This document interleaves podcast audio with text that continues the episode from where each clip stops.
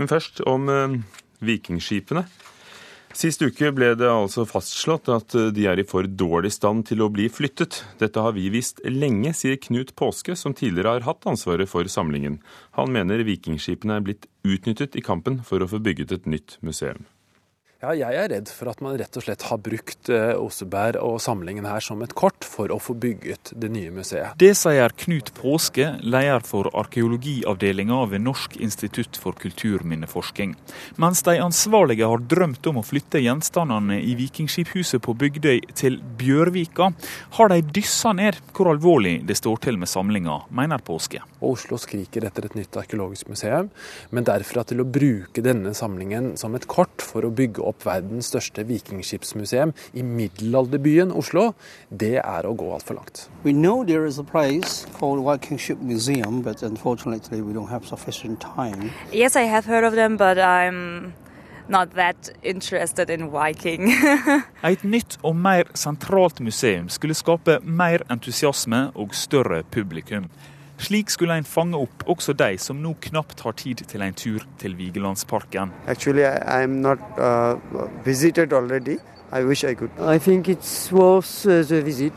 Men sist uke knuste ei utenlandsk ekspertgruppe flyttedrømmen fra midten av 90-tallet. Vår anbefaling er at man forblir her på Bygdøy med Vikingskipsmuseet. Ekspertgruppa, ledet av danske Jesper Stub Johnsen, konkluderte med at gjenstandene ikke bør flyttes på. Altså, hvis du ser framme på den såkalte Gustavsens slede her sånn, her dette treveistykket kommer ut, så ser du at det er en sprekk eller åpning. Knut Påske var mellom 2002 og 2005 ansvarlig for samlinga i Vikingskiphuset. Her ser du faktisk at det er bare pulver inni og et tynt lag, en hinne på utsiden, som holder det hele sammen.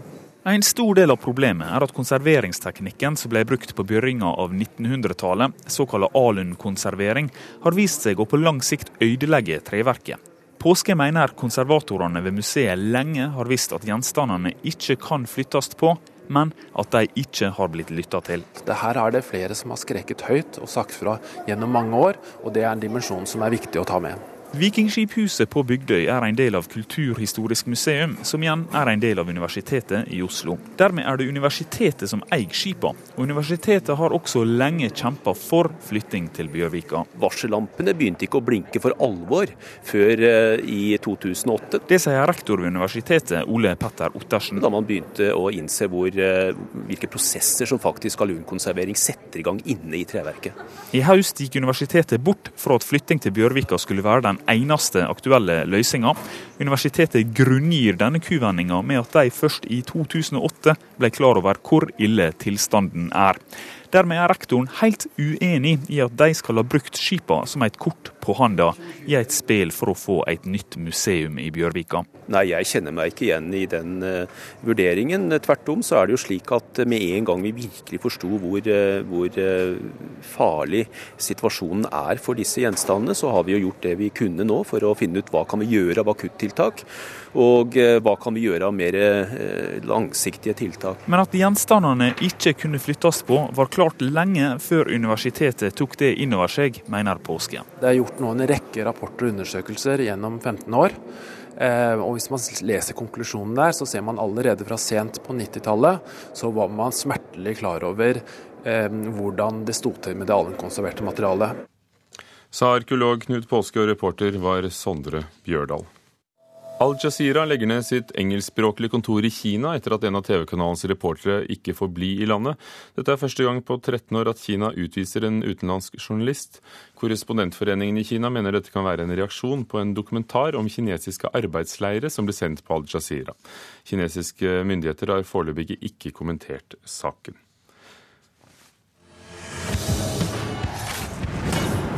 No offense, but I don't play well with others. Big man in a suit of armor.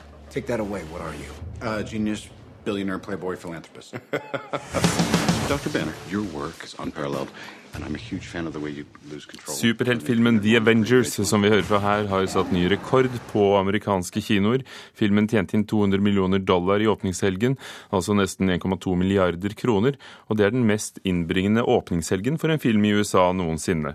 Filmen er den mest sette også på norske kinoer. Over 176 000 har sett filmen for kino her til lands hittil. Selv de som vil bevare Nasjonalgalleriet som museum, lar seg begeistre av planene for det nye Nasjonalmuseet som skal reises på Vestbanen i Oslo. I går inviterte museet til den første kikken innenfor museet ved hjelp av bilder og animasjoner, og direktøren Audun Eckhoff er sikker i sin sak på at museet vil trekke folk både inn i dørene og opp på taket. Vi tror på en operaeffekt, opera for det nye Vestbanebygget. Eh, og vi vil gjerne vise dere noe av det som kan eh, skape begeistring allerede nå. Og så trykket direktør Audun Eckhoff på startknappen og tok oss med på en virtuell flytur rundt museet. Utsiden har vi sett før, men fasaden har fått langt flere vinduer siden sist. Det er den tyske arkitekten Klaus Schuwerk som står bak nybygget, med tittelen Forum Artis. Now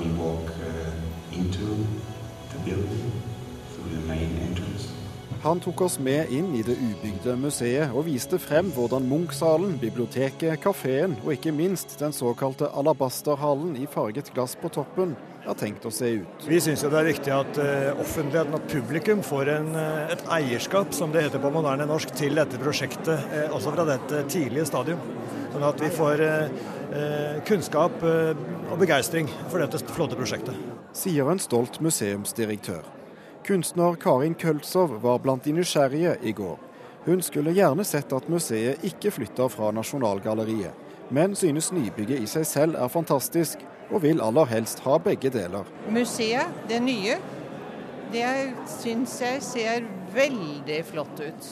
Og kanskje spesielt den eh, siden ved det som denne alabaster etasjen, for det må vi nesten kunne si at det er. Det er en etasje som kommer til å bli liggende og flyte, og det, er, det blir fantastisk. altså Spesielt i vintertid.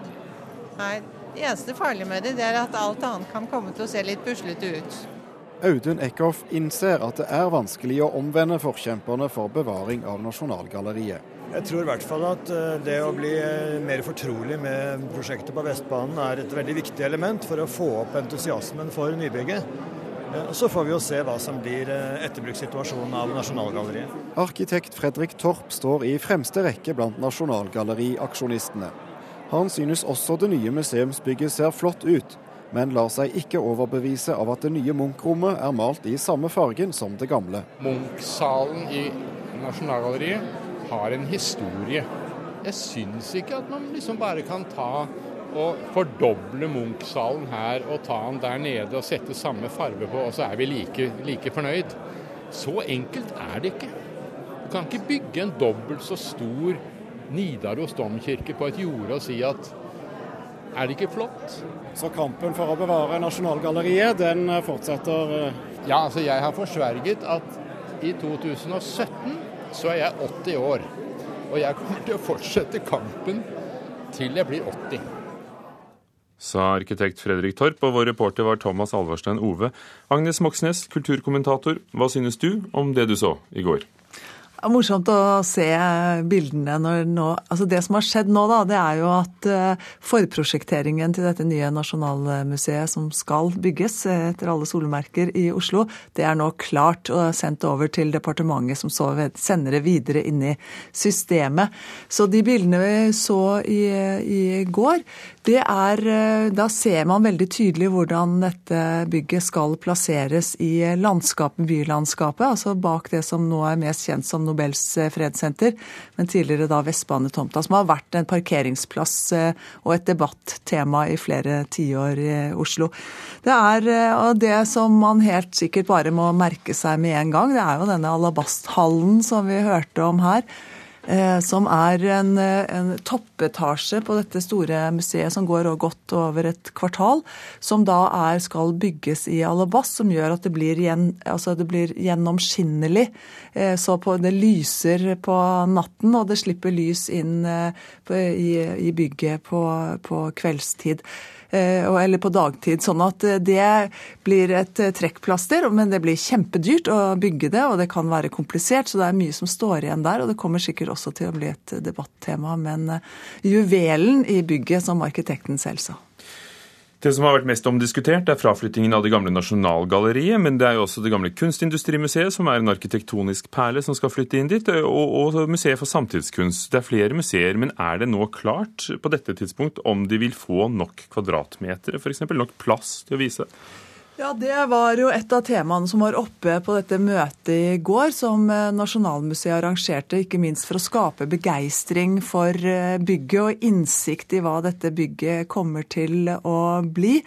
Eh, og Det de sier, er at det er en fordobling av den plassen Nasjonalmuseet har nå, med Samtidskunstmuseet, Nasjonalgalleriet og Kunstindustri museet. Men om eh, plassen blir stor nok eh, til alt et sånt museum trenger, det er vel ikke helt avklart ennå.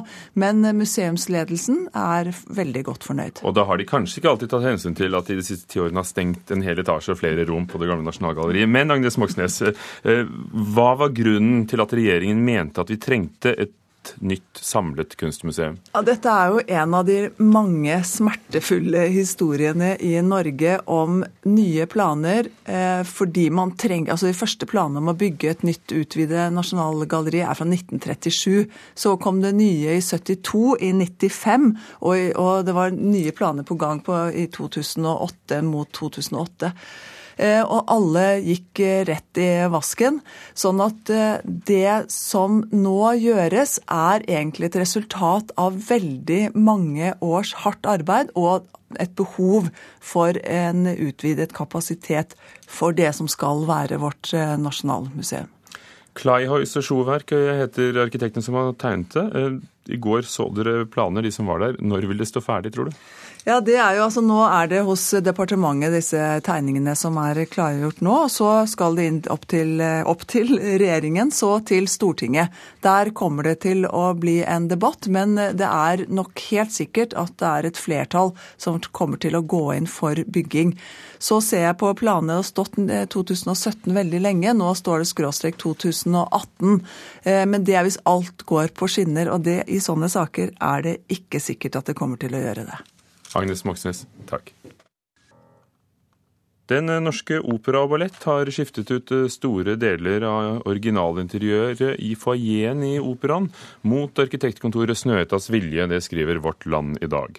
Operaens direktør sier at møblene var for tunge, og at det var for få sitteplasser. Men man hadde ikke gått inn i Oslo rådhus og malt over freskene eller fjernet benkene, sier interiørarkitekt i Snøhetta Bjørg Aabø. Møblenes enkle form er byttet ut med et mer komplisert uttrykk, sier hun, og Snøhetta er bekymret for helheten i det arkitektoniske uttrykket. I 2009 vant Snøhetta pris nettopp for interiøret, og bl.a. er benkene med grå sauepels forsvunnet. Men hvor? Milorg-leder og tidligere Arbeiderpartistatsråd Jens Christian Hauge bør hedres med en egen gate i Oslo. Det foreslår forsvarsminister Espen Barth Eide. Statsråden vil døpe om Glasisgaten ved Akershus festning, der også Forsvarsdepartementet ligger. Kristian Hauge var svært sentral eh, under annen verdenskrig som Milorg-sjef. Han var også veldig sentral i oppbyggingen av det moderne norske forsvaret etter krigen, og er en av våre aller fremste eh, veteraner. Og Han er også en mann vi mener det bør hedres med en gate i Oslo, i forhold til den betydningen han har spilt både i krig og fred.